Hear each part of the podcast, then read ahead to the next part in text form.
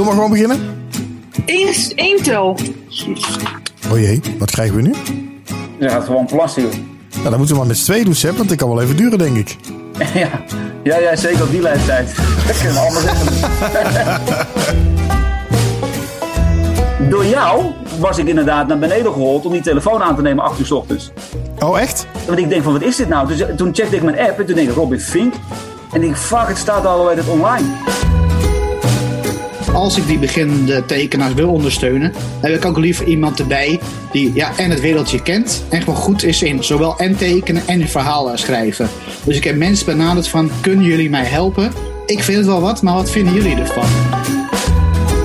Ik zou gewoon Margreet inhuren als jullie per Nee, als dat, dit dat, is heel goed. eh, want eh, ja, Ik hetzelfde stuur wel een factuur voor deze tip. Hop, daar gaat de crowdfunding.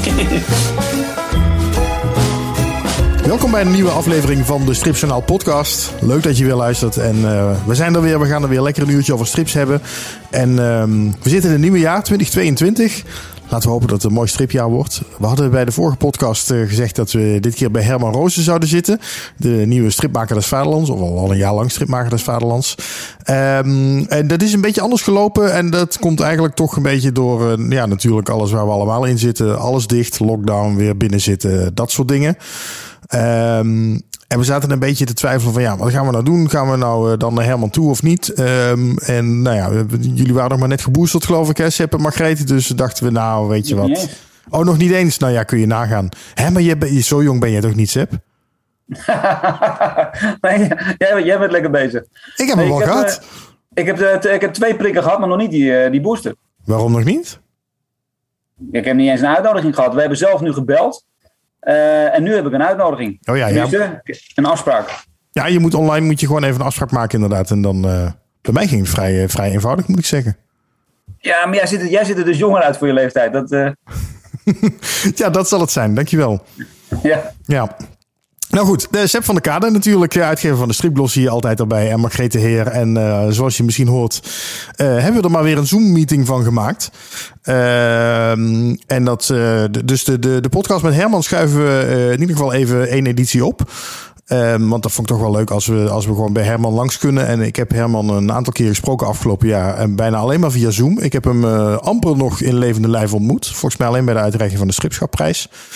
Ehm, dus ik dacht, nou, dat vind ik, ik vind een beetje zonde om Herman dan eh, via Zoom te doen in deze podcast. Eh, en eh, dan, gaan we gewoon met, nu met z'n drieën er wel leuks van maken. En we gaan er een paar mensen bij halen met, eh, met wat dingen een beetje terugblikken nog op het vorige jaar, vooruitblikken. Ehm, we gaan onder andere praten met Leon Verhoeven van Reboot Comics en Menno Ludrichs van Menlo Comics. Dat zijn twee uitgeverijen die afgelopen jaar begonnen zijn. En daar zijn we toch wel benieuwd naar ehm, nou ja, hoe die zo hun eerste jaar, of nog niet eens eigenlijk, beleefd hebben. En hoe zij het komende jaar ingaan. Ehm, we gaan ook even bellen met eh, Jeroen Funke van Brul, het tijdschrift. Want die zijn met een crowdfunding begonnen, bezig nu om eh, het, de derde jaargang voor elkaar te krijgen. Nou, zo hebben we nog een aantal dingen waar we het over gaan hebben. We gaan gewoon een paar dingen op een hoop gooien. Dus ehm, hoe is het met jou, eh, Margreet? Ik heb je nog niet gehoord. Ja, nee, goed. Heel goed. Ik ben wel geboosterd en eh, heb dat overleefd. En eh, ik zit eh, lekker thuis te werken aan mijn nieuwe strip. Ja, want jij staat nu ineens in Tina, ja. Ja, het begint een heel nieuw tijdperk voor mij. Het Tina-tijdperk. En dat, dat is heel erg leuk. Hoe voelt dat? Ja, vorige keer hadden we het er al even over bij Gerald Lever. Ja, je houdt hem nu in beeld even omhoog, de Tina. Zonder een tekening van jou op de cover trouwens, maar dat gaat natuurlijk Nou, wel nee, een keer wel. komen. Ja, ik sta op de cover. Ja, of tenminste, Oh ja, ja, mijn, in een- mijn in een figuurtje, Kiki heet ze. Ontmoet Die met haar ouders eh, gaat wonen in een hotel in eh, Noord-Italië. Het is een soort eh, ik vertrek model. Maar dan in Tina. Hoeveel pagina's heb je? Vijf per aflevering. En dat is dan twee afleveringen per maand. Dus om, ongeveer om de week sta ik er dan in. Maar vijf pagina's, dus meteen een flinke, flinke hoeveelheid. Ja, het is ook echt. Ik heb dit nog nooit eerder. eh, ik ben altijd van de één pagina gags of van de, ja, educatieve strips. Dat wordt dan, maar ze heeft een heel ander ritme. En echt om avontuurtjes te tekenen van vijf pagina's. Ik dacht ehm, dat ik dat niet kon, maar ik blijk het wel te kunnen. Maar het heeft een heel apart ritme. Het, het is, je moet echt, eh, moest er even inkomen. Hoe dat dan werkt, wat je er allemaal in kwijt kan. En eh, ja, een heel nieuwe discipline. En ik ben ook veel netter gaan tekenen. En het kost allemaal veel meer tijd. En eh, mijn man Jiri, die kleurt het eh, in. Die het, eh, het, is, het is een feest voor het oog. durf ik wel te zeggen. Mooi. En, en loop je een beetje ver voor of ben je nu al ben je nu bezig gewoon met de volgende? Ja, we, lopen nu, eh, eh, ja, we zitten nu aardig op deadline. Ehm, we zijn nu bezig met de vierde, geloof ik. Ehm, eh, maar ik wil nog een wat grotere buffer hebben, dat we ook eens op vakantie kunnen en zo. Maar hoeveel nummers moet je vooruitwerken dan? Van Tina zelf? Ehm, nou ja, even kijken. Dus volgende week maandag is dan de deadline van verhaaltje 4. Terwijl verhaaltje 1 dus net gepubliceerd is. Dus Dus zeg maar ruim een maand, ja, ruim Ja. een maand loop je voor. Ja. Wauw. En en wat, je noemde al even het Kiki, dat meisje, dat is de hoofdfiguur. Wat, wat kun je er nog meer over vertellen? Waar, waar gaat de strip over? Eh, ja, ze gaat met haar eh, vader en moeder en haar kleine broertje. Dus van, emigreert ze van Nederland naar Noord-Italië. Het is een eh, gekleurde familie. Dat is eh, ook wel wat we de, de vraag vanuit Tina. We gaan helemaal voor diversiteit. Er was al één gekleurd stripfiguurtje in Tina. Eh, dit wordt dan de, de tweede, maar dit, dit is echt met avontuurtje erin. Eh, en eh, ja, het is, gekomen in een huis terecht wat helemaal vervallen is. En dat gaan ze een stukje een beetje opknappen. En dan gaan ze verschillende kamers met verschillende thema's doen. En ja, er komen natuurlijk vriendschappen en avonturen en gekke gasten. Kan van alles gebeuren. En het zit net ook in de bergen dat, dat ze kunnen gaan skiën, maar ze kunnen ook naar het strand. Je kan alle kanten op. Het klinkt ook wel als iets eh, wat, wat zou passen bij het tijdschrift eh, Vertrek NL. Wat eh Enes van der Kade ooit begonnen is voordat hij met de stripglossie begon. Wat, Wat, gaat over wat Nederlanders die naar het buitenland vertrekken. Ja. Nou ja, maar de, nee, dit- dit is, ben ik helemaal met je eens. Ik vind het trouwens echt heel knap dat je dat nog weet. Want dat is inderdaad off-topic wat dat betreft. Er staan, nou, er staan, eh, daar hebben wel altijd wel strips ingestaan in Vertrek NL. Er hebben, Bommel heeft erin gestaan van Dick Matena met een emigratieaspect. En, Cartoons hè, van eh Arend van Dam. eh, ja, cartoons van Arend van Dam. En Andrea Kruis eh, had altijd een gag. En dat, we- die werd echt speciaal gemaakt rondom een bepaald land.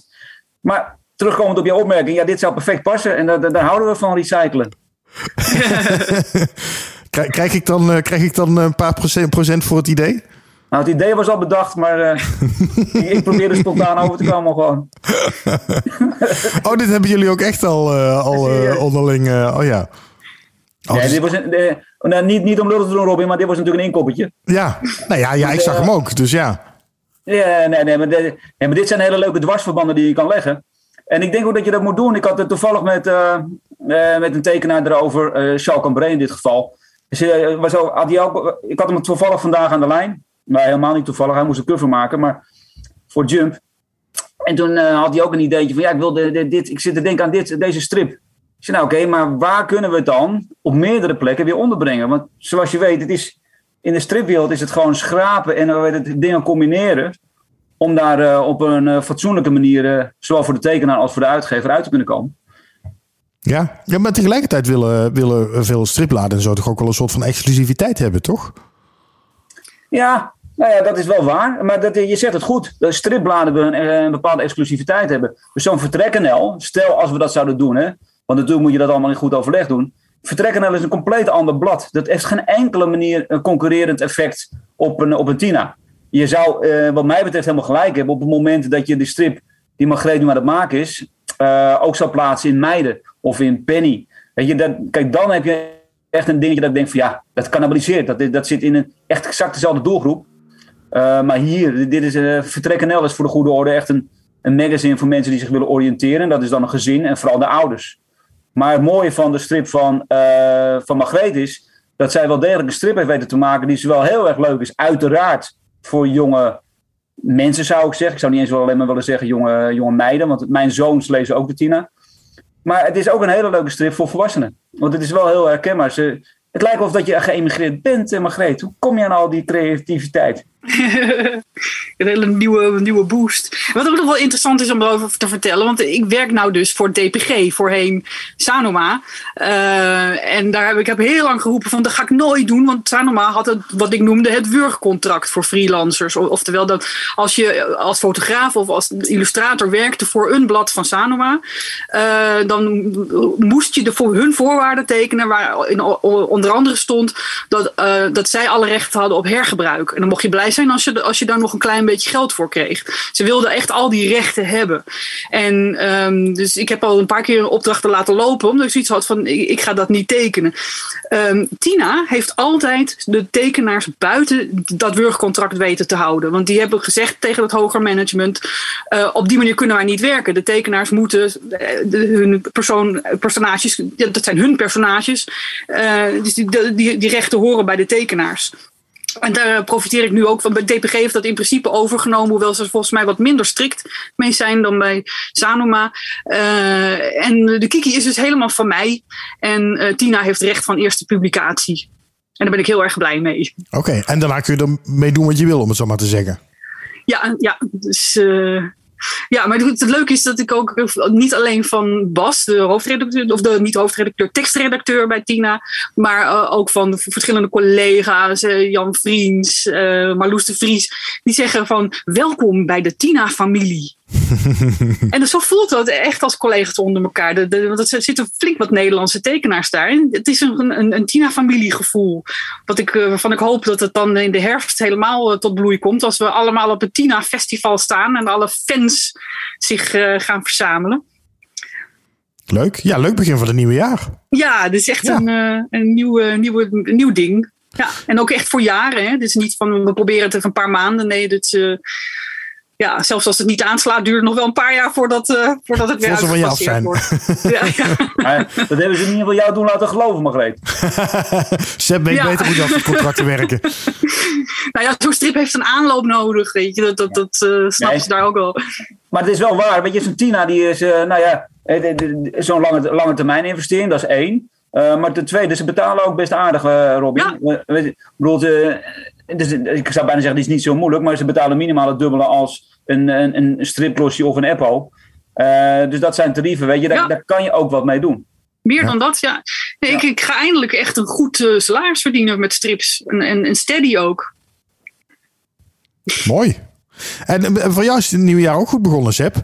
Uh, want jij had uh, meteen weer lekker de publiciteit te pakken met uh, strips voor cold case zaken. Ik werd uit mijn bed gebeld en ik stond, ik stond nog echt serieus in mijn pyjama als het ware. Um, want ik werd gebeld door het NOS-journaal. Voor de goede orde radio. Ja, het Radio 1-journaal, ja. Ja, en hoe heet het, Radio 1-journaal. En die zeiden van, ja, wij willen graag een afspraak met jou tien voor negen. En ze belden mij om acht uur s ochtends. Want toen stond inderdaad het, een, een verstripping van een cold case stond in, de, in het AD. Daar waren we in het geheim, waren we daar denk ik een nou, anderhalve maand mee bezig geweest. Uh, ik had het idee bedacht om een uh, cold case te gaan verstrippen. Toen ik in samenwerking met Peter R. de Vries de, die crime striplosje had gemaakt. Ik zou ook met Peter daarover gaan praten, maar de week voordat wij een afspraak hadden om het te concretiseren. Want Peter wist al van het idee en die zei ook van ja, dit is leuk. Laten we kijken of dat we er een concreet plan van kunnen maken. Maar de, de week voordat we die afspraak hadden, werd hij dus neergeschoten. Um, en toen was ik bij zo'n afscheid in Carré. En daar zat ik naast een dame, een nabestaande. Wiens uh, zuster uh, was doodgeschoten. En die zei, dit moet je voortzetten. En zij heeft mij in contact, contact gebracht met een cold case regisseur, een specialist van, van de politie in Nederland. die heb ik gecontact en die reageerde in eerste instantie heel sceptisch. Van je kan niet een cold case zoiets zoiets ja, gevoelig, zeg maar, gevoelige materie kan je niet verstrippen. Want een strip, dat is toch Donald Duck, Suske Wiske. Ja, ja. Dat is de eerste idee wat bij hem opkwam. Nou, na een uur op hem te hebben ingepraat, uh, zei hij op een gegeven moment, ja... Dit, uh, ja, je moet gewoon lang, lang genoeg praten. Ja, ik ken dat soort telefoongesprekken met jou. Ja, precies, je kent ze. Hè? Maar op een gegeven moment viel bij hem het kwartje dat hij zei van ja, je, je moet het dus eigenlijk een beetje zien als een soort graphic novel. En op graphic novel zijn natuurlijk vele maar veel voorbeelden van onderwerpen die op een prachtige manier in beeld worden gebracht. Over dementie, maar ook over, nou ja, neem, Dagen van Zand. Neem dat boek van Barbara, Barbara Stok, wat nu uh, zelfs in de bestsellerlijst 60 is terechtgekomen. Dat zijn allemaal boeken die behandelen hele serieuze onderwerpen. Dat muntje viel na een uur. Hij zei, shit, dit zou nog wel eens kunnen, uh, kunnen werken ook. En toen gaf hij mij de gelegenheid om een tekenaar of tekenaars te zoeken. om om twee pagina's te gaan verstrippen. Want hij zei wel, het moet passen op twee pagina's. Want als jij het aan de krant wil kunnen verkopen, of hoe dan ook, dan moet het passen binnen twee pagina's. Nou, en daar hebben wij ook wel geld voor over om die tekenaars een bedrag te kunnen bieden om die pagina's te maken. Ongeacht of dat een krant het zou gaan plaatsen, ja of nee. Want dat was dan mijn feestje. Ze zeiden van, wij zorgen dat die pagina's betaald kunnen worden via jou. En als jij dan zorgt dat er een krant is, het liefst een landelijke krant, die dat dan wil publiceren, betaald of onbetaald. Want voor de goede orde, die politieman die dacht dat ik de krant zou moeten betalen om die twee pagina's erin te krijgen. Nou ja, jij Ja, weet dat dan- ik het probeer altijd om Ja, te doen. dan zou je een soort advertentie hebben. Ja, wat zij zeggen, ja, wat jij eigenlijk doet is adverteren voor de politie. En eh, daar was ik het natuurlijk niet mee eens. Ehm, maar oké, een, een lang verhaal kort. Bij, eh, ik heb toen Meijten Strikberda en Anko Dijkman benaderd. Eh, mijn twee, twee Groningse broeders eh, als tekenaars in het Hoge Noorden. Eh, nou ja, Anko Dijkman kennen we allemaal natuurlijk van Scarlet Edge. En Meijten Strikberda kennen we van eh, de strip Man en Paard. Nou, die twee die kennen elkaar volgens mij ook al 20, 30 jaar. En zijn heel erg goed op elkaar ingespeeld. eh, ingespeeld. En zij hebben toen in, volgens mij was dat in anderhalf of twee, nou ja, niet eens twee weken volgens mij, hebben ze dus die twee pagina's gemaakt. Wetende dat ze er wel voor betaald zouden krijgen, maar niet wetende dat het ook gepubliceerd zou worden. Nou ja, dat is dus, eh, want dat moest namelijk goedgekeurd worden door het OM, het moest goedgekeurd worden door de slachtoffers, want het ging om een zedenmisdrijf. Drie dames, waarvan er twee eh, zijn verkracht en één eh, is aangerand. Ja, gevoelige zaak Ehm, natuurlijk. Alles moet kloppen. Alles Dit moet is- dit is kloppen. Niet mag, een- eh, een- en we mogen dus ook niet dingen zeggen die niet helemaal kloppen. Hè? Dus alles moet inderdaad kloppen. Ja, je hebt geen artistieke vrijheid meer, zullen we maar zeggen. Nou ja, daar waren we ook bang voor. Weet je, kan dat wel? Weet je, kan je zo gestuurd worden door de politie, door het OM, door de slachtoffers? Heb je dan nog wel een artistieke vrijheid, zeker aantrekkelijkheid? Kan je iets spannend, moois brengen, maar tegelijkertijd heel integer en kloppend? Nou, dat hebben die beide heren hebben dat gedaan. En ja, ik kan iedereen aanraden om naar de politie.nl te gaan, want daar staan de pagina's. Het zijn twee pagina's plus een soort introductiepagina. Eh, die staan gewoon op het nos.nl, maar die staan ook op politie.nl. Ze staan ook op diverse websites, waaronder het AD. Er staan ook gewoon de pagina's gratis te bekijken. En om dat andere verhaal even kort eh, af te maken. Het AD heeft dus ook daadwerkelijk de, één van de twee pagina's in de landelijke editie geplaatst. We moeten nog overigens ons geld krijgen van het AD. Dat even terzijde. Bij Maar- deze opgeroepen. In principe, dit is inderdaad een reclamatie aan het AD. Maar, die werden, eh, maar we hebben in ieder geval dat voor elkaar gekregen dat het nu eh, dat in de landelijke krant stond. Nou, op dat moment dat het in de krant stond, toen stond ook bij mij eh, de telefoon werkelijk roodgloeiend. Ik heb nog nooit in één dag zoveel media te woord mogen staan. En want dat begon inderdaad bij het NOS Radio 1 journaal. Vervolgens gingen we door naar Radio 538. Toen kwam RTV Rijnmond, RTL Boulevard. ehm, eh, de, de Tijd voor Max hebben we gehad. SBS, Hart van Nederland kwam langs. Eh, Reformatorisch Dagblad, vergeet die vooral niet. Prachtig mooi stuk. RTV Noord, alles, alles kwam eh, op ons af. Opsporing verzocht zelf ook. Ehm, Ja. ja, dus het, het, het gave daarvan is, is dat wij. Eh, kijk, de tekenaars die krijgen gelukkig betaald. Maar ons doelstelling, en dat zeiden de tekenaars Mijnt en Anker, zeiden dat prachtig. Ik kan het niet beter formuleren dan wat zij zeiden. Ze zeiden, ja, die strip is voor ons pas geslaagd. op het moment dat die dader is gepakt. En een- vorige week, vorige week werd bekendgemaakt dat er is een 3D-hologram gemaakt van de dader. Maar dus ook die strip, dat die twee elementen samen 250 tips hebben opgeleverd. Nou ja, dat is een eh, triomf op zich. Dus daar Ja. zijn wij zo blij mee. Dus dat is inderdaad het, eh, de start van mijn nieuwe jaar. Eh, twee keer ook op nu.nl is dat eh, verkondigd. De tweede keer was dus dat zij zeiden van 250 tips zijn eruit voortgekomen. Robin, dit is nou precies waarom ik de hele striplosje ben begonnen en in die stripwereld terecht ben, in, in die stripwereld ben gaan zitten. Laten zien wat de kracht is van zo'n medium. Dat je nog notabene... Stel je nou eens voor, Robin, dat we een cold case gaan oplossen met een strip. Ja, dat zou wel echt fantastisch zijn, ja. Dan Ja. hebben we toch ons punt gemaakt dat strip niet alleen maar voor kleine kinderen is, of wel? Ja, ja. Ja, Ja nou, bijzonder. Heb ik, nu heb ik waarschijnlijk de hele praattijd voor deze uitzending weer... eh, Nou ja, nee, ja, je hebt hem goed gevuld. Daar ben je ook voor, dat wist ik. Nee, ik vind, ik vind het wel fascinerend om te horen. Dat is natuurlijk weer een beetje eh, mijn kant ook, hoe dat hele mediastormpje dan werkt. Eh, want het, je, je hebt dus het AD zover, hè? je hebt het AD benaderd en die zagen er wat in. En die denken, nou, we gaan het publiceren, leuk. Vervolgens, eh, toevallig op die dag dat dat gebeurde, moest ik bij de regionale omroep de ochtendshow presenteren. Dus ik stond er al om vijf uur s ochtends. En toen zag ik het al op het ANP binnenkomen. Die hadden het al uit het AD geplukt. Geplukt. Eh, toen appte ik jou nog, eh Seb, van eh, nou, je hebt het hè, te Robin? pakken. Ja, nou ja, ik was heel Jij vroeg was op. Door jou was, was ik inderdaad naar beneden gehold om die telefoon aan te nemen acht uur 's ochtends. Oh, echt? Ja, Omdat want, je... ik denk, ik, want, ik, want ik denk van, wat is dit nou? Dus toen checkte ik mijn app en toen denk ik Robin Fink. En ik fuck, het staat al het online. En toen dacht ik van, oh shit, zo dadelijk is het, is het, is de, is het, is het eh, nou ja, is het een medium. Ja, nou, en dat bleek. Ja, want als het eenmaal op het ANP staat, ja, dan, dan, dan komt het echt overal terecht. Dan pakt iedereen het wel op. Nou ja, en dat zie je. Zo is het dus gegaan. Dus Ja. ja, ja dat is wel, eh, wel mooi om te horen. En, en, eh, eh, maar goed, dit is er nu één. Dit is één zaak. Maar komen er meer? Nou ja, we hebben met de politie afgesproken dat op het moment dat dit een succes is, en dan is natuurlijk weer de hamvraag, wat is succes? 250 tips, mede naar aanleiding van de strip, dat vinden we in principe al een succes.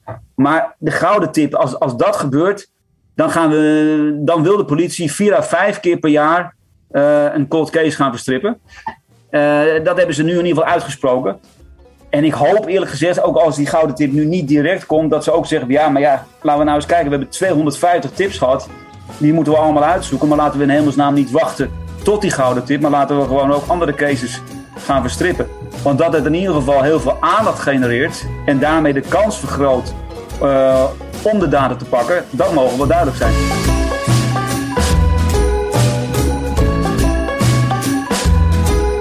Laten we het gaan hebben over eh, nieuwe uitgeverijen. Want er zijn er vorig jaar in 2021 zijn er eh, zomaar even twee stripuitgevers bijgekomen. Namelijk Reboot Comics en Melu Comics. En de ene is Reboot is van Leon Verhoeven. En die is nu bij ons. Dag Leon. Dag Robin. Hallo. En Menno, Dag. Menno Ludriks van eh Melu Comics. Goedendag. Goedenavond. Nou eh, heren, fijn dat jullie er zijn. Ik hoor ergens een enorme brom eh, bij iemand op de achtergrond. Ik weet niet Ja, eh, een soort stoomboot. wat dat is. Ja, het is een soort stoomboot. Zit zit Een iemand bij jou stoomboot. zo? Nou, ik ben het niet. Ik ook niet. Ja, jij bent wel voor die Sinterklaas strip, eh, Menno. Dus misschien Ja. die stoomboot bij jou zit. Ja, Stoomboot is eh, gegaan. Ehm, ja, nou ja, eh, eh, laten we eens beginnen bij, eh, bij Leon. Eh, want jij was er volgens mij eerst, in mijn herinnering. Reboot Comics zijn net iets eerder, denk ik. Jij bent ergens halverwege vor- vorig jaar eh, ben jij begonnen. ja Of in ieder geval kwam de eerste uitgave op de markt. Dus eh, nou, je bent Klopt. nu... eh, Vi- ja? via een Kickstarter, hè? Ja. Hoe gaat het tot nu toe? Eh, ja, goed. Ik mag niet klagen. Het is eh, spannend Ja, wel, elke hoor. keer. Hey Leon, even voor mag je wel je, je mag ook klagen in deze uitzending. Wat zeg je? Je mag ook klagen in deze uitzending. Ja, maar dat doe ik dadelijk tegen jou. Hoeveel boeken heb je Nou, uitgegeven, Leon? Eh, ja, nu twee. Dus eh, de eerste was eh, Nine Tales met eh, Romano. En Johan en eh, Ralf van der Hoeven. En de tweede was eh, De Vlucht van de Condor met eh, Anko Dijkman en eh, Jacques Post. En een kalender toch ook? Ja, en een kalender. Dat klopt. Ja, die was iets minder succesvol, maar succesvol genoeg. Oké. Die heb je toch, aan de, die heb je, die heb je toch wel cadeau gegeven aan honden en katten, of niet? Ja, aan de dierenambulance eh, gaat een deel van eh, de opbrengst van de clan gaat naar de dierenambulance. Maar hoe match je dat? Ja, Sorry dat ik gelijk... eh, nou heb ik- deze vraag die brandt al zo lang op mijn lippen. Oh jee. Hoe, hoe match je nou zo'n... wat die stripkalender van jou, dat gaat over eh, blote dames volgens mij. Ja, Hoe match je dat met dieren en katten? Ja, dacht, jij, dacht jij honden en poesen? Of hoe dacht je? eh, ja, zoiets. Nee, ik zocht gewoon, ik zocht gewoon een, eh, een goed, goed doel. En ehm, het moest eigenlijk een ja, stripkalender, hè? Strip. Oh ja. Ja, ja, die als je Ja, ja, ja. Doordenker. En eigenlijk moest er ergens wel in een hoekje of iets, een associatie met een diertje staan. Het is een hondje geworden, toch? Ja, een hondje staat er en eh, ze hebben van alles. eh, Maar, maar, nee, maar waarom moest je die associatie hebben met dieren? Want dieren en, en, en, en pikante dingen, die associatie, die zoek ik juist helemaal niet. Nee, ik ook niet. Maar dat was gewoon een ingeving. Je weet, ik ben een dierenliefhebber. Ja, op die bord toch vooral. Ik heb gewoon heel vier hamsters, vier hamsters rondlopen beneden. En ehm, ja, simpel. Dus dat was het eerste waar ik aan dacht van ja goed, ik ga het beesten Ik ben helemaal kwijt hoe we hier terecht zijn gekomen. Zo, Ja, ja, even, ja, even, terug hoor. Eh, Leon. mensen, mensen, kunnen jou misschien kennen als eh, stripkok. Ehm, hè, dat, was jou, dat was jouw eerste stap, in ieder geval voor mij, in de stripwereld als eh, de kok die, eh, met, met het stripkookboek. En, Ja. en hoe heb je van daaruit gedacht, goh, ik ga het gewoon lekker zelf doen? Eh goeie vraag. Dus nou mag ik beginnen met klagen. Ja, Goed zo, kom maar door. Nou, ik heb met, met Sepp, met jou heb ik het er ook al over gehad. En ehm, ja, ik ben, ik ben altijd ondernemer geweest. Ik heb eh 15, 16 jaar een cateringbedrijf gehad. En ehm, na verloop van tijd kwam ik ook weer op de beurzen. Ik kwam met eh Sepp in aanraking door het stripkookboek. En daar dacht ik, ehm, ja, toen op een gegeven moment aldoende dat steeds verder kwam, dan zie je dingen om je heen. En dan denk je van, goh, kan je dat niet beter zo doen? En kun je het niet beter zo doen? En naar aanleiding daarvan had ik zoiets van, ik ga het gewoon zelf eens proberen. Ten eerste omdat ik het leuk vind. En ja, dat is eigenlijk de enige reden. En ehm, ja, ik hoop gewoon eh, dat ik mensen enthousiast kan maken en eh, probeer vernieuwend te blijven. Waar we het ook al eerder over gehad, eh, met Sepp, met ook al eerder over heb gehad, van eh, hoe breng je die, die aandacht weer terug bij die strips en hoe kan je jongere mensen weer strips laten lezen. En zijn er ook niet heel veel dingen in die stripwereld die aan het verstoffen zijn. Dat, van, dat kan toch ook anders. En ehm, eh, kunnen uitgevers ook niet eh, hun hoofd bij elkaar steken en gezamenlijk iets, iets oppakken. Want dat proef ik allemaal nu niet, ja. laat me zo stellen. Hoe was dat bij jou, eh Menno? Want jij, eh, hoe, hoeveel uitgaven heb jij nu gedaan tot nu toe? Wij hebben er ook eh, twee gehad tot nu toe. Ja, en eentje was die Sinterklaas strip. Hè? Die, die Die noemde ik al even voor mensen die hem gemist hebben. Een, een, die is rond Sinterklaas ook uitgekomen. Een soort battle Ja, tussen, een tussen Sinterklaas Sinterklaas en de kerstman eigenlijk. Hè? Exact, ja, die is uitgekomen. En we hebben een eh, eindwerk van de student eh, uitgegeven, genaamd eh, De Laatste Mens. En dat was een groot succes, want die uitgave was eigenlijk al binnen twee weken uitverkocht. Oh, Wat was de oplage? Sorry? Wat was de oplage? Oplage was 500. Wie was het ook alweer? Was het Sterren? Nee, dat was uh, Merel Monen. Oh, Merel Monen, ja. Ja, het is een kleine oplage, maar ja, voor een beginnend iemand, onbekend iemand, eh, binnen twee weken, ja, is dat gewoon heel goed nieuws gewoon. En hoe, hoe verklaar je dat uh, snelle verkoopsucces? Ja, ik denk toch dat mensen benieuwd zijn naar eh, nieuw werk. Naar eh, juist de onbekende namen en juist naar de onbekende verhalen. Want dat was het. En ik denk dat dat toch aansprak. En ook de stijl. Het was, sommige mensen vonden het erg artistiek. Maar ja, daar is ook gewoon een markt voor. Het hoeft niet altijd het geëikt te zijn. Het mag ook wel een beetje kunstzinnig zijn. Nou, dat was dit. Ja, en, en ik heb de gok genomen en gewaagd. En het heeft zich wel uitbetaald. En waar heb je het dan vooral aan verkocht? Aan stripwinkels of ook daarbuiten? Stripwinkels. Dat was puur stripwinkels en de beurzen. En signeren. Ja. Ja. En wat Dus was voor jou de reden om, om met je eigen uitgeverij te beginnen? Ja, ook, eh, ook een beetje wat Leon zei. Eh, ten eerste moet je natuurlijk gewoon sowieso gewoon een groot liefhebber, liefhebber zijn van het medium strip zelf. Dat ten eerste. Daarvoor moet je het sowieso doen. Eh, ik wilde ook gewoon eerst eh, mijn eigen verhaal uitbrengen. Dat was dan het Sinterklaasboek. Dat heb ik gedaan. Maar ik merkte ook in mijn zoektocht naar nieuwe tekenaars dat er heel veel vraag was aan beginnende eh, artiesten van eh, ja, hoe kom ik met mijn werk in de winkels? En ik zag dat daar een vraag voor was en een behoefte. En ik dacht van nou, dit werk spreekt mij wel aan. Ik wil die gok wel wagen. En zodoende is het eigenlijk een beetje balletje gaan rollen. Ja, Ja, ik vind het wel leuk, want eh, eh, Menno, jij zoekt echt eh, in de, de jonge bak met tekenaars. Er zit heel veel talent, maar het is nog wat verbrokkeld. En Leon, jij werkt echt met heel gevestigde namen, die, met mensen die echt al eh, ja, met een hele eh, uitgewerkte stijl. Dus jullie hebben heel verschillende eh, kanten van de strip te pakken. Ja, Ja. nou neem, neem niet weg dat ik ook niet, eh niet open sta voor de oude garde hoor. Dat- Oh, mooi. Ja. En eh, jij werkt toch ook met... eh Menno, jij werkt toch ook met een soort ambassadeurs? Want ik, ik meen dat Barbara Stok zag ik ook voorbij komen op jouw website. Klopt. Hoe, hoe werkt dat dan? Ja, nou kijk, ik, ik kom zelf niet uit het stripwereldje. Totaal niet. Gewoon, gewoon een liefhebber, dat is gewoon zo. Maar ik dacht wel van, als ik die beginnende tekenaars wil ondersteunen, heb ik ook liever iemand erbij die ja, en het wereldje kent en gewoon goed is in zowel en tekenen en verhalen schrijven. Dus ik heb mensen benaderd van, kunnen jullie mij helpen? Want ik krijg allemaal verhalen binnen van, ik vind het wel wat, maar wat vinden jullie ervan? Of wat kan beter? En als ik dan zeg van, nou, dit en dit kan beter, dat is één. Maar als een Barbara Stok dat zegt tegen zo'n tekenaar, ja, dan nemen ze dat vaak toch eerder aan dan als ik het zeg. En dat is gewoon heel prettig werken. En zij zegt gewoon dingen waar ik zelf niet over heb nagedacht. En ik zie gewoon, ja, dat is gewoon hard nodig en het werkt gewoon goed. Je hebt, je hebt Barbara Stok en je hebt Wilbert van der Steen. En je hebt nog een Belgische meneer, wiens naam... Ja, dat is uh, Miel van der Pitten. Die komt uit België inderdaad. En die is net gedebuteerd met zijn boek Centralia. Dat is net in november uit. Dat komt ook omdat ik me niet alleen op Nederland wil richten, maar ook op de Belgische markt. En ik zocht ook echt iemand, hij is ook afgestudeerd op het Luca dan. Hè? Dat is zeg maar de Artes, maar dan in België. En ik, en ik dacht van, ken jij niet wat mensen ook op die opleiding, die, ja, die misschien ook werk hebben of wat dan ook. En zodoende ben ik met hem in contact gekomen. Ik wilde ook eigenlijk zijn boek uitgeven, maar ja, een andere uitgever was mij voor. Dat is de Centralia geworden.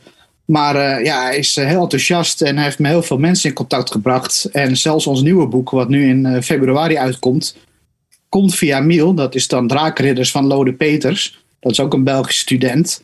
En het hele werk was eigenlijk al af. Uh, ja, en ik hoef het eigenlijk alleen maar uit te geven. En ik ben benieuwd hoe dat gaat. Het is wederom wel een gokje, dat geef ik je eerlijk mee. Maar ja, het is gewoon goed. Het ziet er goed uit. Het is een goed verhaal. Het is goed getekend. 64 pagina's lang. Zit je nou niet in de, in de vijver van uh, uitgeverij oogachtend uh, te vissen? Hoe, hoe is de verhouding daarmee? Misschien wel, dat weet ik niet. Heb je wel contact gehad met ze? Want... Nog niet, nog niet. Nee, ik wilde wel een keer naar ze toe, maar door de lockdown is het allemaal uh, ja, verwaterd. Ik ben ze wel een keer tegengekomen toen in Brussel. Bij de strip pitch. Hè. Daar komen alle talenten langs om hun eigen werken te pitchen. Daar heb ik ze gezien en gesproken. Maar ja, ook daar moesten we afstand houden, regels en gedoe. Maar uh, nee, dat gaan we zeker wel een keer doen. Ja. En, maar, Leuk, nou, wat, wat, ik heel benieuwd naar ben, hè, die vraag wil ik zo ook aan Leon stellen. Um, wat, is, wat wil jij het komende jaar gaan bereiken? Wat, heb jij een plan? Heb je nu een, een beeld van, oké, dit wordt 2022 voor mij? Ja, nou, als eerst dus wat ik net zei, de nieuwe talenten. Die zijn het programma. Uh, ik kom ook met, uh, met prentenboeken uit. Dat is dan iemand wel, een gevestigde naam, die jullie alle zullen kennen. Dat is dan de heer Willem Britstier. Die heeft voor het eerst een kinderboek gemaakt. Daar kom ik ook mee in februari. Dan heb ik als mooi project voor dit jaar nog, een beetje rond de herfst, heb ik een eerste graphic novel. Echt een groot boek van tegen de 100 pagina's aan.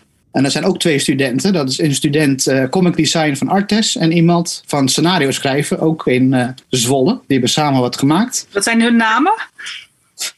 Hun namen zijn uh, Willemijn Kranendonk en Irene Schiphorst. Irene Schiphorst is de tekenaar, Willemijn Kraandonk is de schrijfster. Die komt trouwens deze maand met haar debuut uit als novel. Gewoon een ja, novelle, boek. Um, ja, en dat werk, dat zijn we nu mee bezig. En Barbara is toevallig een mentor dan in dat proces. Dus dat is, uh, om daarop terug te komen, heel erg handig voor mij. Um, ja, dat is voor dit jaar. Volgend jaar kan ik misschien jullie wel wat meegeven. Dat zijn niet alleen de talenten, waarvan ik wel hoop dat ze zich aandienen, ook naar aanleiding van dit interview. Maar volgend jaar kom ik ook met oud-gedienden, waaronder mevrouw Andrea Kruis. Die zo voor het eerst een uh, graphic novel gaan maken en uitbrengen. En dat, uh, daar komen wij mee. Leuk. Ja, oh, goed.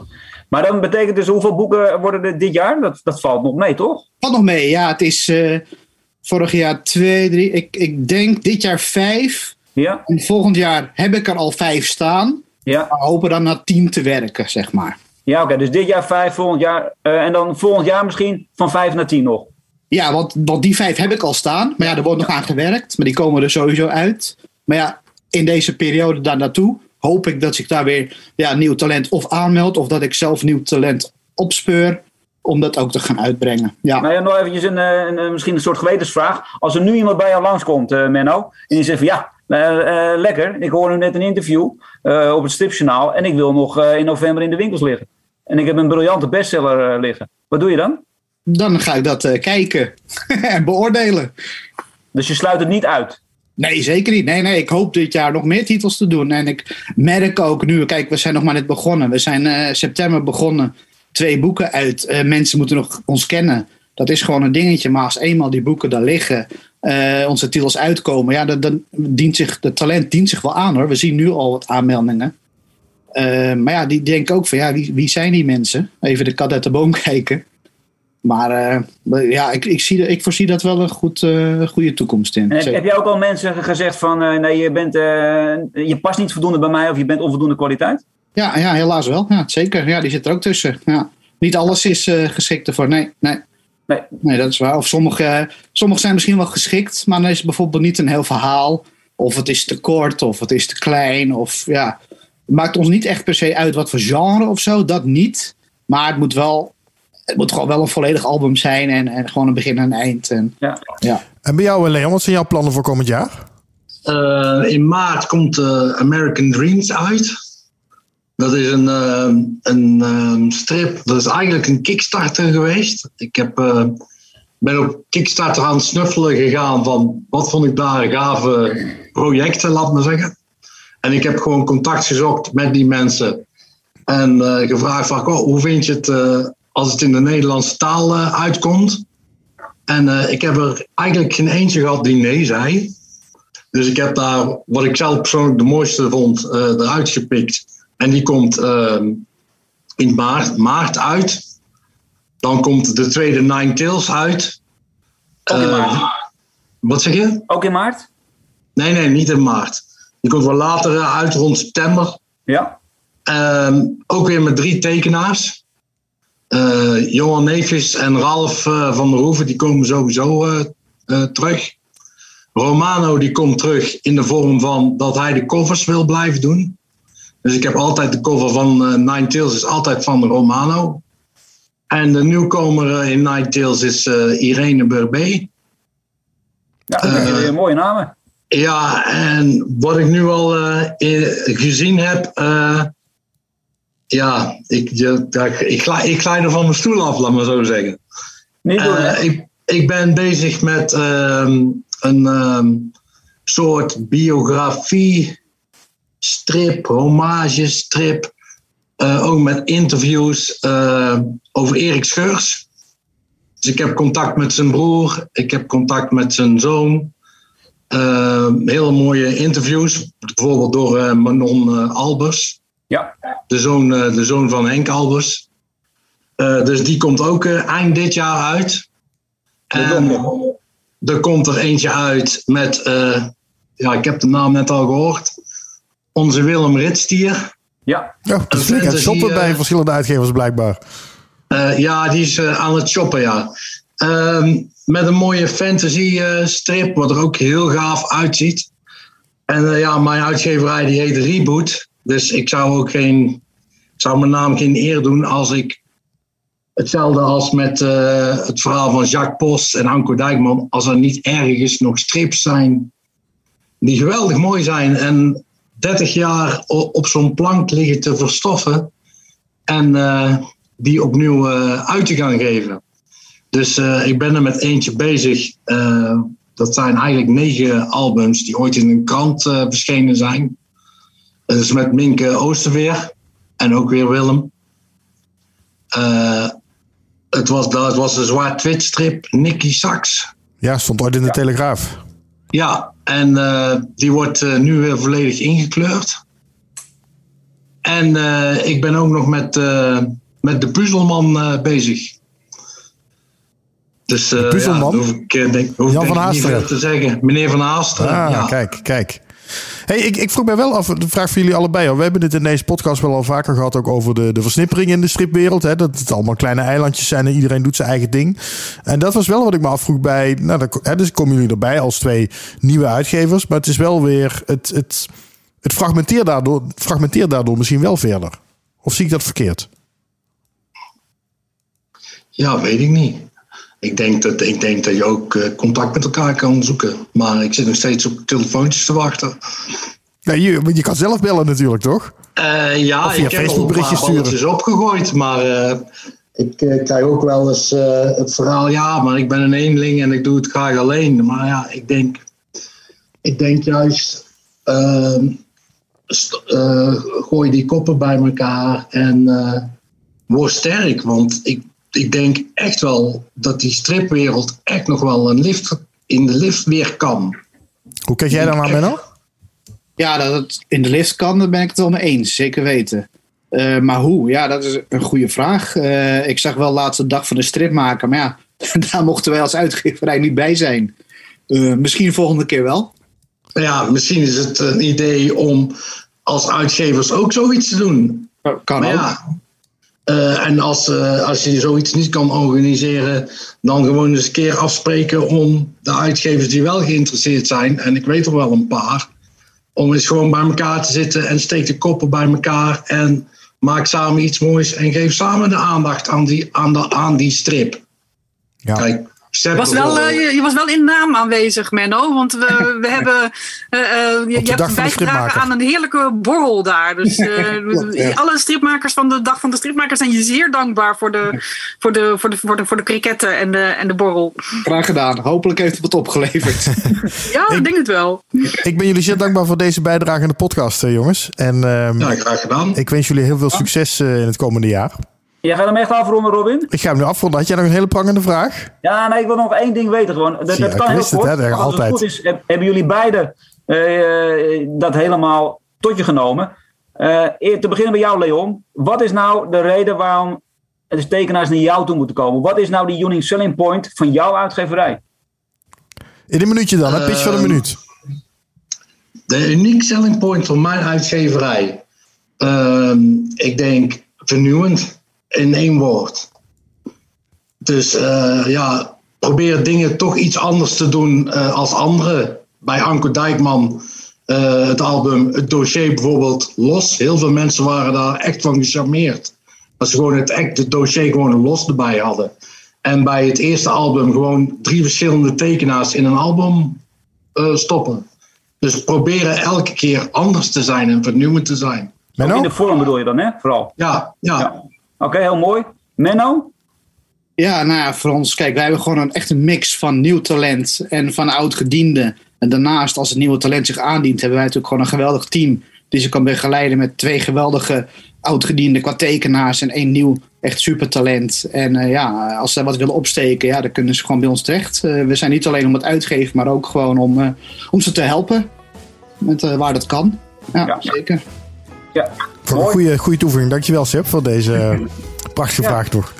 Dankjewel, jongens. Leuk, En ik wens jullie heel veel succes komend jaar. Succes! En we zijn benieuwd naar al die mooie uitgaves. Dankjewel. Hoi. Hey. Mooi. Volgens mij, als, ik denk, eh, Seb, dat ondertussen, want jij bent de host van dit. ehm, ja, ik denk dat Jeroen Funk in de wacht hangt ondertussen. Ik eh, gooi hem naar binnen, ja? Gooi hem maar naar binnen. Ja. Want wij wilden het gaan hebben over Brul. Het eh, tijdschrift Brul. Daar hebben we Jeroen Funke. Dat is. eh, dag Jeroen. Hij Hey. Ja, hey, ja, is.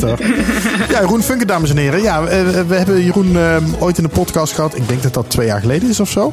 Toen Brul net begonnen was. Ja, Toen stonden we nog mooi in de studio ja, bij ja, BNR. ja, ja, ja, ja, klopt. Volgens mij waren we toen nog aan het opstarten zelfs. Ja, volgens mij ook. Ja, ik weet niet. In het begin in ieder geval. Dat was erg in het begin. Nou ja, en inmiddels komt de der- derde jaargang eraan. Ja, joepie. Ja, en, eh, en daar, zit- daarvoor zit je druk in de crowdfunding. Nou. Toch? Ja, en, toen ik, wel, en, ja. en toen ik Ja, vanmiddag dat- keek, maar op het moment dat deze podcast online staat, zijn we al, misschien alweer ietsje verder. Maar toen ik vanmiddag keek, zat je op eh, ruim 4.500 euro, geloof ik, van de 6.000. Oh ja, ik heb dan naar de procenten gekeken. We stonden op 83 procent. Oké, nou ja. Ja, ja, dat, dus, dat eh, betekent dat het is geslaagd. Hè? Bij Voor de Kunst is die 80% grens, daar, daar mag je het dan al, daar kan je het gewoon al voor doen. Ja, ja, ja, ja, ja. Ik heb, ik heb dus ook zoiets begrepen, inderdaad. Eh, dus we zijn al heel blij, maar eh, kijk, eh, we willen natuurlijk gewoon die 100% halen. Want het zijn allemaal abonnees extra, want we willen gewoon gelezen worden. Dus we gaan nog even, we hebben nog vijf dagen te gaan. Dus nee, we, we, zien- we zien wel. Afgelopen dagen zijn we gemiddeld tussen de 5 en 10 procent gegroeid. Dus wat dat betreft, dan kunnen we dat. Dat zou nog wel moeten kunnen. Oké, Ik maar, ben, maar ben heel benieuwd, eh, Jeroen. Want ik, Ja. ik heb eh, een week of twee geleden ben ik, eh, nou, ben ik donateur geworden. Toen waren er nog heel weinig donateurs. Terwijl jullie al een paar weken bezig waren. Dus ik had zoiets van: waar zijn jullie mee bezig? Doe iets aan je promotie. En de Ja. afgelopen dagen groeit het en groeit het en groeit het. Dus, maar ik zie nergens waar jullie dat nou doen. Wa- wa- Wat is, wat is jullie geheim? Wat zijn jullie aan het doen? Uh, nou ja, de laatste, uh, laatste ja, week of zo zijn we wel echt, uh, tenminste, ja, we zijn echt wel veel meer dingen aan het posten. en mensen zijn aan het, aan, het, aan het herposten en delen en het doen. Maar ik, ik plaats zelf elke dag wel weer een nieuw filmpje of een nieuw plaatje van iets wat te maken heeft. Je bent niet mensen aan het bellen zelf. Je bent echt, het is alleen op social media. ja, ja, ja, ja, en ik heb, ik heb uh, heel eventjes, uh, in het begin had ik iets, ik weet niet wat ik nou had, ik, ik, ik had wat, misschien die zeefdrukjes van, uh, van, van raketijsjes of zo, ik weet, ik weet niet precies, ik had iets. En toen dacht ik van, ook oh, moet dat delen. En toen ging ik dat naar een paar mensen sturen in Messenger. En toen, maar dat werd opeens uh, alfabetisch. Het was eerst de mensen die het laatst gesproken hadden. Toen werd het alfabetisch A, B, C. En toen ik bij de C, dacht ik, ja, Doei.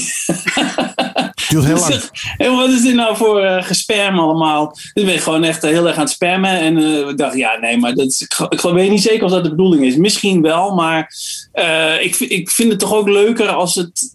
als, als, mensen moeten het wel graag willen, zeg maar ook. Snap je? Dus, en we, we, zitten al heel erg aan het spammen. We willen natuurlijk gewoon die abonnees hebben, maar. Ja, om, ja, ik vond het. Ik, weet niet, ik dacht ineens, wat ben ik nou weer mee bezig? Mensen, mensen ja, persoonlijk uh, dingen sturen van hey, kom uh, doneren en zo. Het werkt wel. Jullie hebben nou weer iets van, jullie hebben 150 donateurs nu. Ja, ja, ja, ja, ja, ja, dat kan kloppen. Ja, ja. En ja, ja, dat, ja, dat is dus te gek. Ja, ja, ja. Want het is ons om, de, om die abonnees te doen. Want ja, daar maak je het blad natuurlijk ook voor. Jeroen, hoe, hoe verhoudt ze dat tot, tot jouw eerdere uitgaven? Ben je, heb je nou meer abonnees in totaal al dan, dan, dan de eerdere nummers? Voor, uh, voor nu, voor de jaargang 3 bedoel je? Ja. Ehm, nou, we, we hebben uh, een aantal uh, abonnees die we hadden voor jaargang 2, die hadden al aangegeven van tevoren van we willen door, we, weet ja. je, we willen weer mee.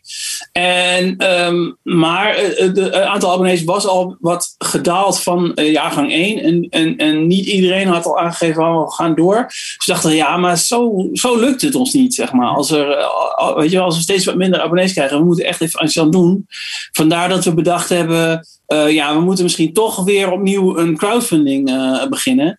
Uh, want ja, mensen weten het gewoon niet, hè? Dat, dat, dat we er zijn. Dat we, zijn dus een beetje vergeten. Oeh, hier zijn we, Brul is fantastisch. Ja. En, en weet je wel. Brullen, dus we dachten, nou, dat, dat, moeten we gewoon doen. En als we nu gewoon lekker veel abonnees erbij krijgen. En die zien gewoon, die krijgen een jaar lang vier nummers in een jaar. En dan zien ze de kwaliteit. Dan heb ik goede hoop dat er een heleboel blijven hangen en meegaan naar de vierde jaargang weer. Maar je moet natuurlijk eerst die abonnees hebben. Ja. Dus, uh, jullie hadden, nou ja. voor de, bij de eerste crowdfunding hadden jullie 330 uh, donateurs, uh, zag ik. Want ik had, ik had ook bijgedragen, dus ik kon het even terugzien bij, mijn, bij de projecten.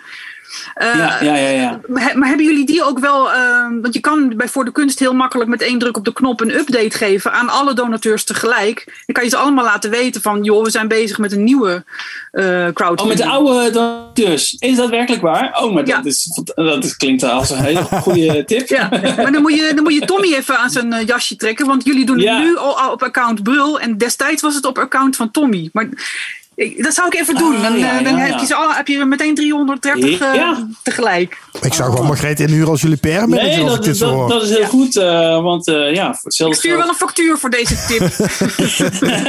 Hop, daar gaat de crowdfunding. maar hoeveel heb nee, je... dat, dat, dat, is, dat is een goede.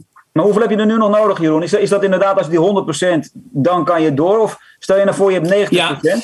Heb je dan een probleem? Uh, nee, dat, uh, ik, ik, ik, denk het niet. Ik, um, we hebben zeg maar grofweg uh, gaan we er telkens vanuit dat we ongeveer 2000 euro nodig hebben om een nummer te drukken en te verspreiden. Ja. Um, en de extraatjes te laten maken en dat soort dingen. Uh, verpakken en allemaal dat soort dingen. En, en dan, gaat dat, dat, dan lukt het.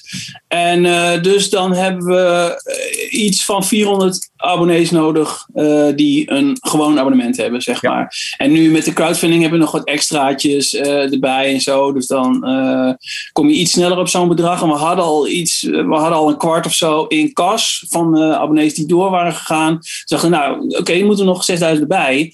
En dan kunnen we gewoon de hele jaargang eh, weer maken. En, en, lijkt mij verstandig om gedurende dit jaar ook nog steeds op goed zoek te gaan naar meer abonnees. Want anders dan hebben we het eind van het jaar dat er weer een paar, wegvallen. En dan zitten we met hetzelfde probleem. Dus eh, ja, we moeten toch een beetje groeien. Ik wil eigenlijk liefst naar eh 600 abonnees of zo. Dat er dan een paar weg kunnen vallen en een paar erbij. En eh, weet je wel, dat, dat we dan eh, een goede basis hebben. Dus eh, ja, ik denk dat we na deze crowdfunding ook nog wel door moeten gaan met abonnees eh, zoeken. En wat even goed is om te weten, denk ik, is dat eh, jullie als tekenaars verdienen echt helemaal niks, hè? Nee, Want, want, hè, want al die kosten de redactie ook niet, de tekenaars niet. niet nee, nee, nee, nee. Nee, dan zouden we, eh, als we dat willen, dan zouden we, eh, hebben we in het begin een keer uitgerekend iets van 2000 abonnees moeten hebben. En dan kunnen we een, een, een symbolisch bedragje van 100 euro per pagina of zo gaan eh, beginnen te betalen. Maar ja, dat, weet je, dat, in die orde van grootte zitten we gewoon niet. Eh, Is dat niet dan. Jeroen? Dat je op een gegeven moment zoiets hebt van... wij willen inderdaad op een gegeven moment eh, tekenaars 100 euro per pagina kunnen betalen. Of zeg je van, net als sommige andere bladen, van... joh, eh, we doen het allemaal gewoon voor niks. We doen het allemaal voor de lol. Nou, eh, eh, kijk, dat is natuurlijk ideaal. Het zou ook gek zijn om eh, 200 eh, abonnees te hebben, want dan lezen heel veel mensen je blad, sowieso. Duizend. En het zou superleuk zijn om eh, de tekenaars en schrijvers wat te kunnen betalen.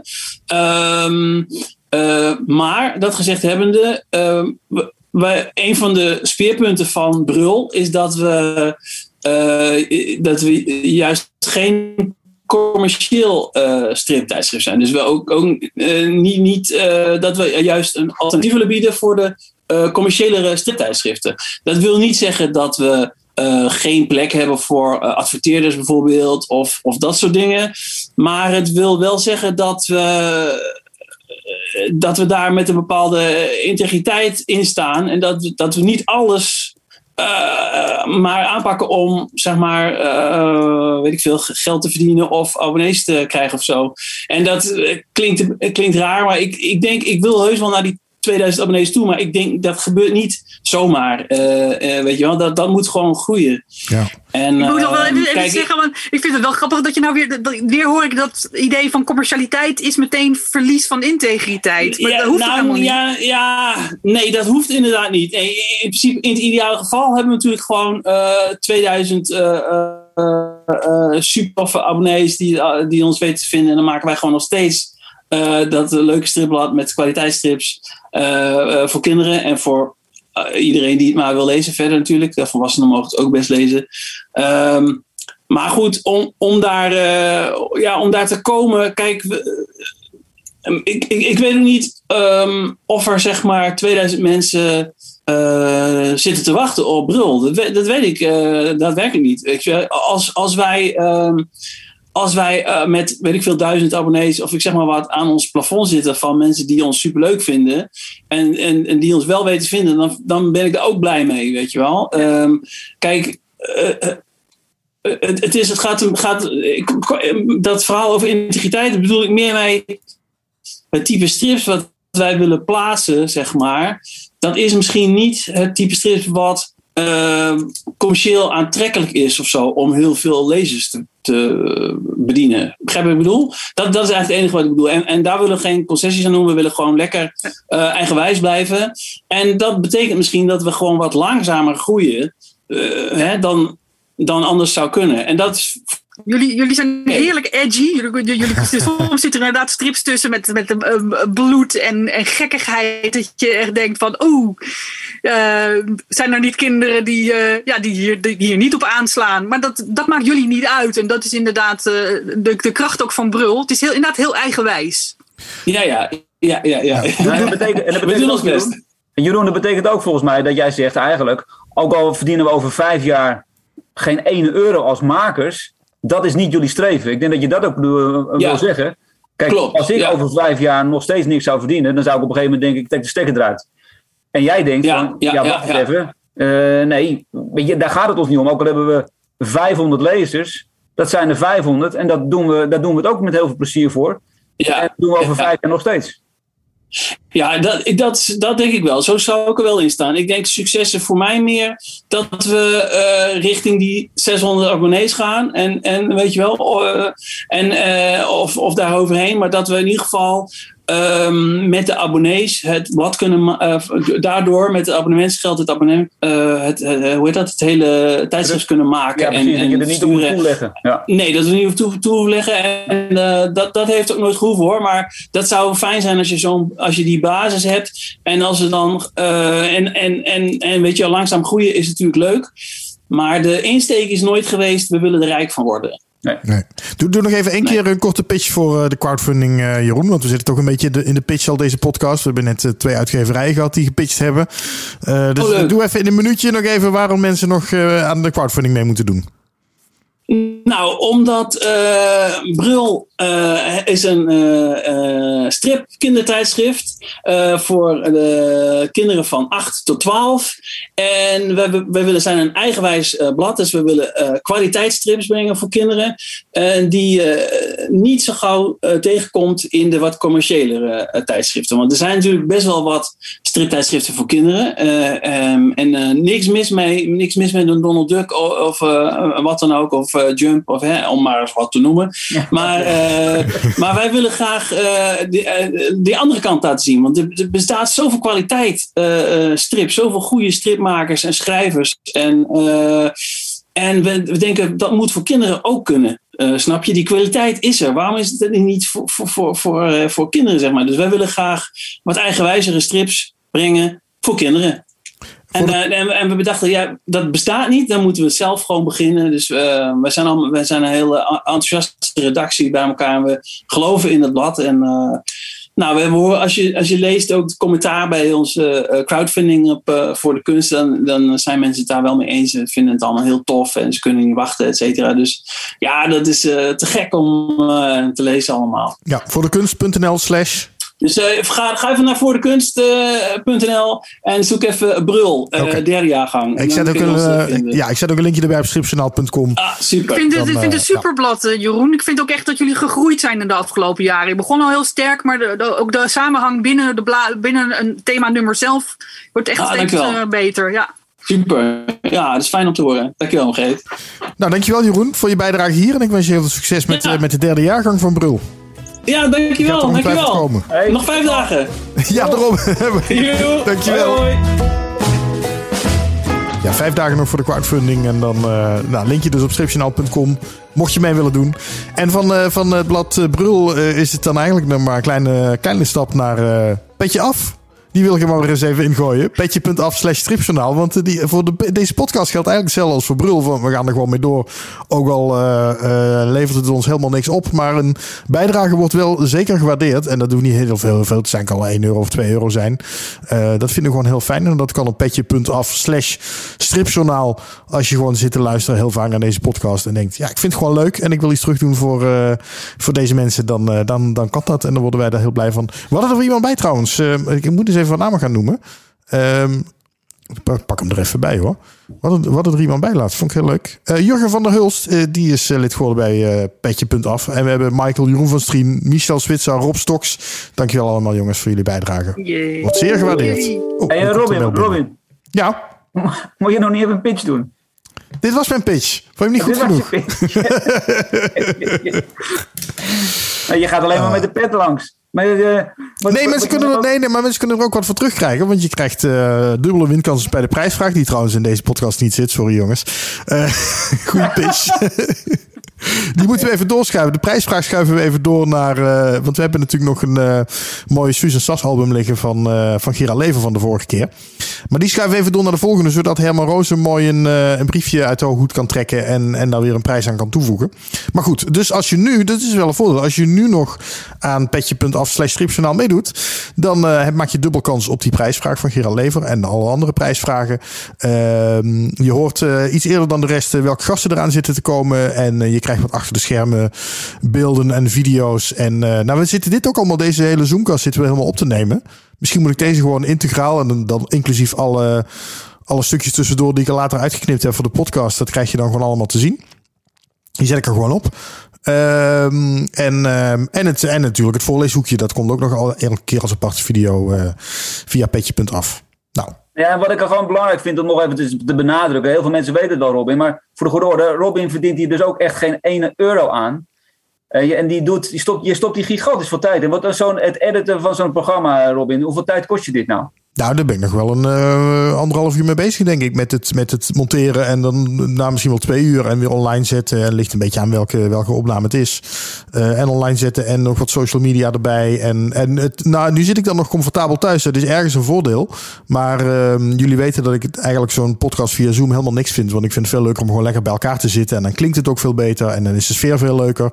Maar ja, ik heb eh, me- me- met mijn slimme hartstikke gekozen om helemaal in het zuiden te gaan wonen van het land. Zoals jij helemaal in het noorden woont, Seb. Ja, en dan, ja. eh, maar goed, al die tekenaars zitten allemaal in Amsterdam of in Utrecht of in Arnhem zaten we vorige keer. Dus ik reis ook wat af het land door. Ehm, ja, dat kost natuurlijk ook geld. Maar ja, weet je, daar ga ik niet over zeuren. Dat, ik bedoel, ik hoef het niet te doen. Eh, ik doe, Nee, ik doe in de eerste plaats omdat ik het leuk wat vind.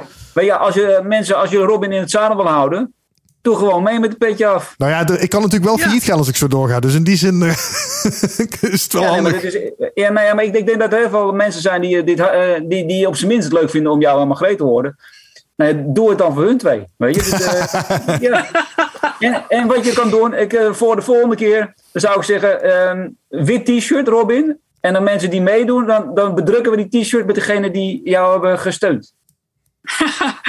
Ja, maar dan ga je ervan uit dat we weer zoomen. Dat wil Robin juist niet. Maken we fotootjes, posten. Ja, oh, we dat dan. gaan we, ja, Oh, is goed. ja. Is goed. Ja, oh, dat, vind ik, dat, dat kunnen we wel doen. Maar kost dat niet heel veel meer om zo'n t-shirt te bedrukken dan ik, dan ik binnen ga krijgen via petje af? Nee, nee, Dat nee, nee. dan nee, alleen maar op kost dat, dat ik dan wel weer. Oké. Oké, overigens deal, Seb. Deal. Gaan we Ja. doen. Ehm, nou, over het voorleeshoekje, dat viel net al. Over het voorleeshoekje gesproken. Oh, wacht even hoor.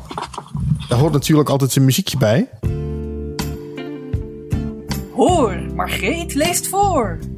Ga lekker zitten. Hier komt een boekje in het voorleeshoekje.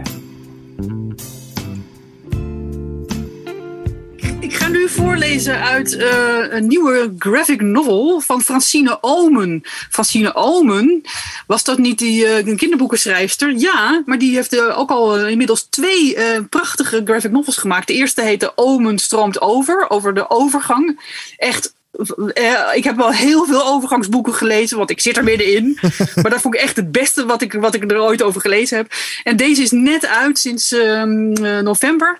En eh, dit gaat over het verwerken van allerlei trauma's. Dit is heavy, heavy stuff. En ehm, ik, ga, ik, zal het, ik ga het nu voorlezen. En omdat we op Zoom zitten, kan ik dat met share screen doen. Dus mensen die zitten te kijken, kunnen meekijken. Ja, nou, dat is voor de En, mensen van Petje eh, Af dus. Ja, en anderen moeten maar heel goed luisteren. Ehm, even kijken. Ik moet eerlijk zeggen, een beetje de recensiesfeer, dat ik het een hele eh, een saaie cover vind. Echt helemaal niet, eh, die helemaal niet echt ehm, Oh ja. laat zien wat een ontzettend leuk boek het is. Het is een cover met bruin eh, papierachtig, eh, hele eh, normale letters. Hoe overleven we is de titel. En een foto van Francine Ome als kind op schoot bij haar moeder. Ehm, en ja, het gaat ook helemaal over die relatie met die moeder. Dus het inhoudelijk klopt het wel. Maar je hebt helemaal niet het gevoel bij deze cover van, van oh, dit is een graphic novel. En eh, ja, ik, dus ik vind hem een beetje. Ik snap het wel, maar ik zou het anders gedaan hebben. Ja, ben met je Goed, eens. dat gezegd hebbende, we gaan nu naar binnen. En op de, eh, meteen op de binnenflap staat het volgende. Ik ben Francine Omen. Als kinderboekenschrijfster was ik vooral bekend van de Hoe overleef ik serie. Die was gedeeltelijk autobiografisch. Maar over wat er echt in mijn jeugd voorgevallen was, durfde ik niet te praten, laat staan te schrijven. Nu wel.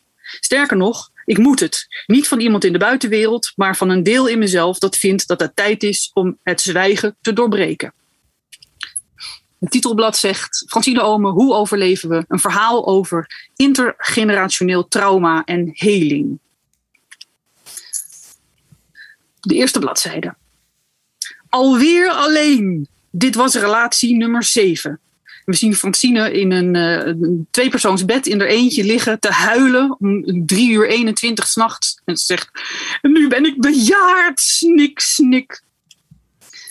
Om 3 uur 30 staan er opeens twee oude tangen aan haar bed.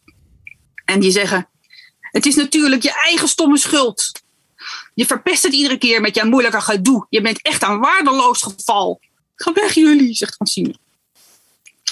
En dan om 3 uur 41 ligt er opeens een mol naast haar in haar bed. Met een bril op en een pijp in zijn mond. Tja, kind, je kunt wel zielig gaan liggen snikken, maar ik denk dat je toch echt een aandeel in de zaak hebt. Er is overduidelijk sprake van een patroon. Wat doet een mol? vraagt de mol.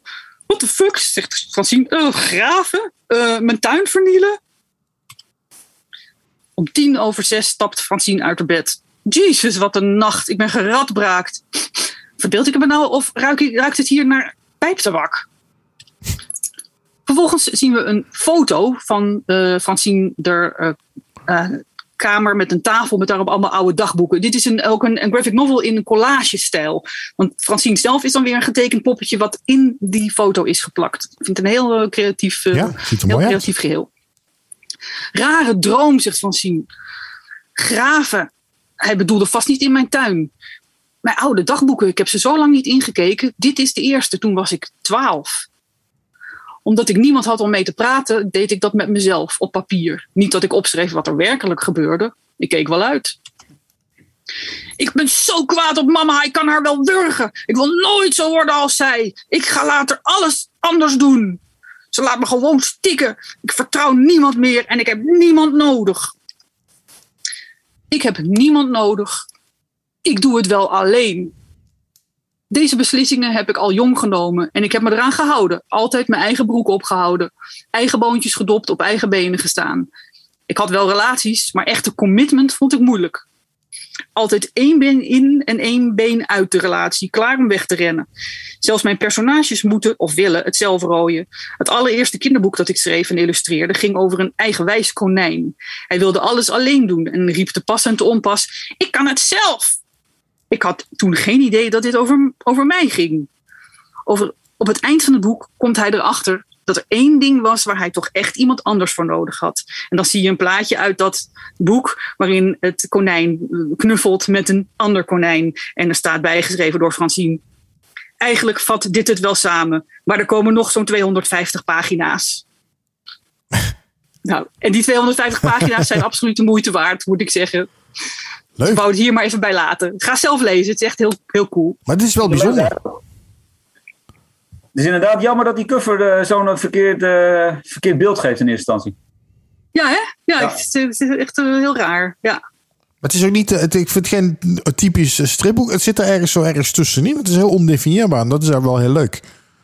Vind het qua vorm eh, wel lijken op eh Maaike Hartjester eh Burnout dagboekje. Ho- ho- hoewel ik moet zeggen dat Francine met die vorm ook, die, die heeft het onafhankelijk al eerder, voordat dat uitkwam, had zij ook al in de vorige boek van over de overgang ook al eh, zo'n collage-stijl gedaan. En inhoudelijk, ja, nou ja, ik heb wel, wel graphic novels gelezen die natuurlijk ook over hele heftige trauma's en zo gingen. Ja, dit is dat echt wel in de, in de, bovenin de top 10 eh, van eh, heftige verhalen en, en op een hele goede manier eh, opgeschreven. En ook met een mooie, mooi einde. Heb je ook nog over mollen, tips. heb je ook over mollen gedroomd in de overgang, Margreet?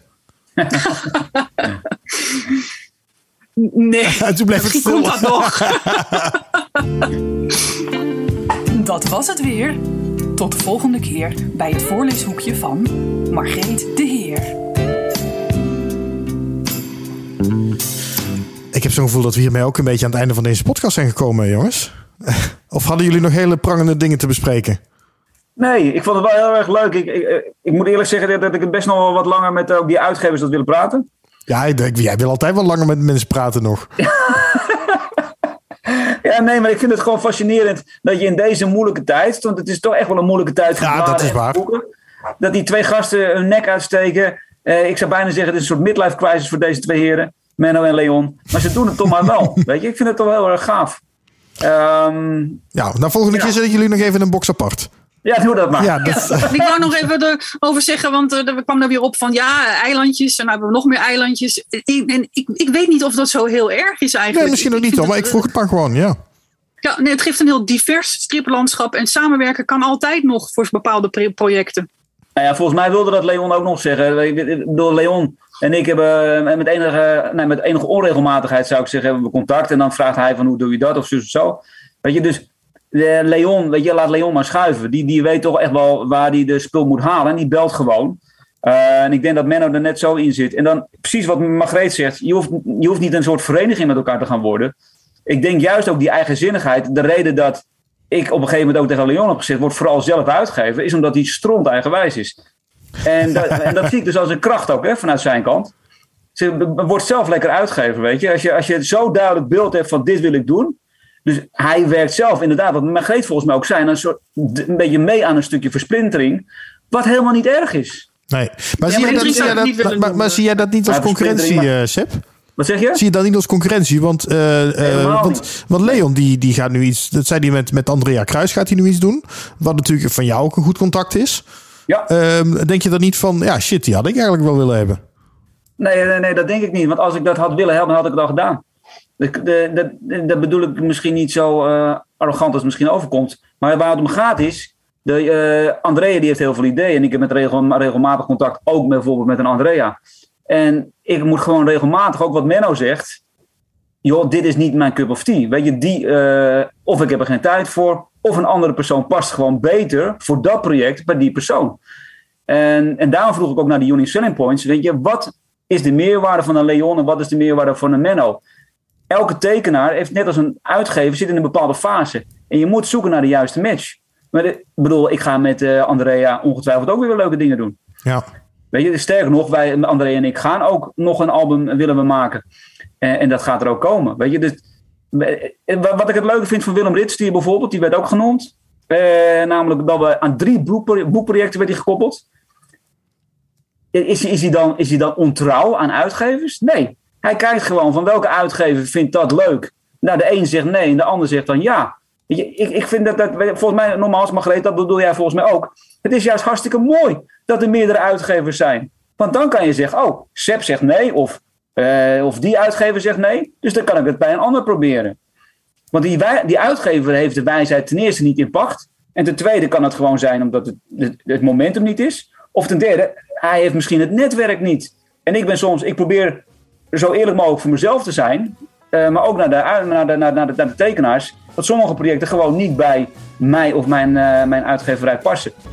Eh, en beter bij een ander. En daar moet je gewoon eerlijk in zijn. Want uiteindelijk wil je allemaal hetzelfde, Robin. Zelfs jij wil dat. Met jouw strip. In de dop. Je wil gewoon Ik- succes. Je wil dat je gelezen wordt. Amen. Ja, amen. Dit is een mooie, mooie besluit van deze podcast. eh, Dankjewel, Sip. Ehm, dat was het voor deze keer. Volgende keer eh, zitten we hopelijk weer bij elkaar. eh, bij eh, Herman Rozen. Over een week of twee. Laten we daar maar even van uitgaan. Maar goed, we weten niet, nooit helemaal hoe het loopt. Ehm, maar dat is in ieder geval het plan voor nu. En ehm, nou, dat was hem dan. Dankjewel voor het luisteren. Dankjewel uh, Sepp en Margreet voor deze bijdrage. Dank jou. Volgende keer Ja, zijn we weer. En dan doen we dus ook de prijsvraag weer. Als we bij Herman zijn. Gelukkig. Oké. Ja, dat vind jij belangrijk, hè, Sepp? Ja, de prijsvraag. Ja, dat zit de volgende keer gewoon weer in. Ja. Wat? Ja, je moet wel kunnen winnen, ja. ja. Volgende keer weer. Oké dan. Oké, dag. Jo, hoi.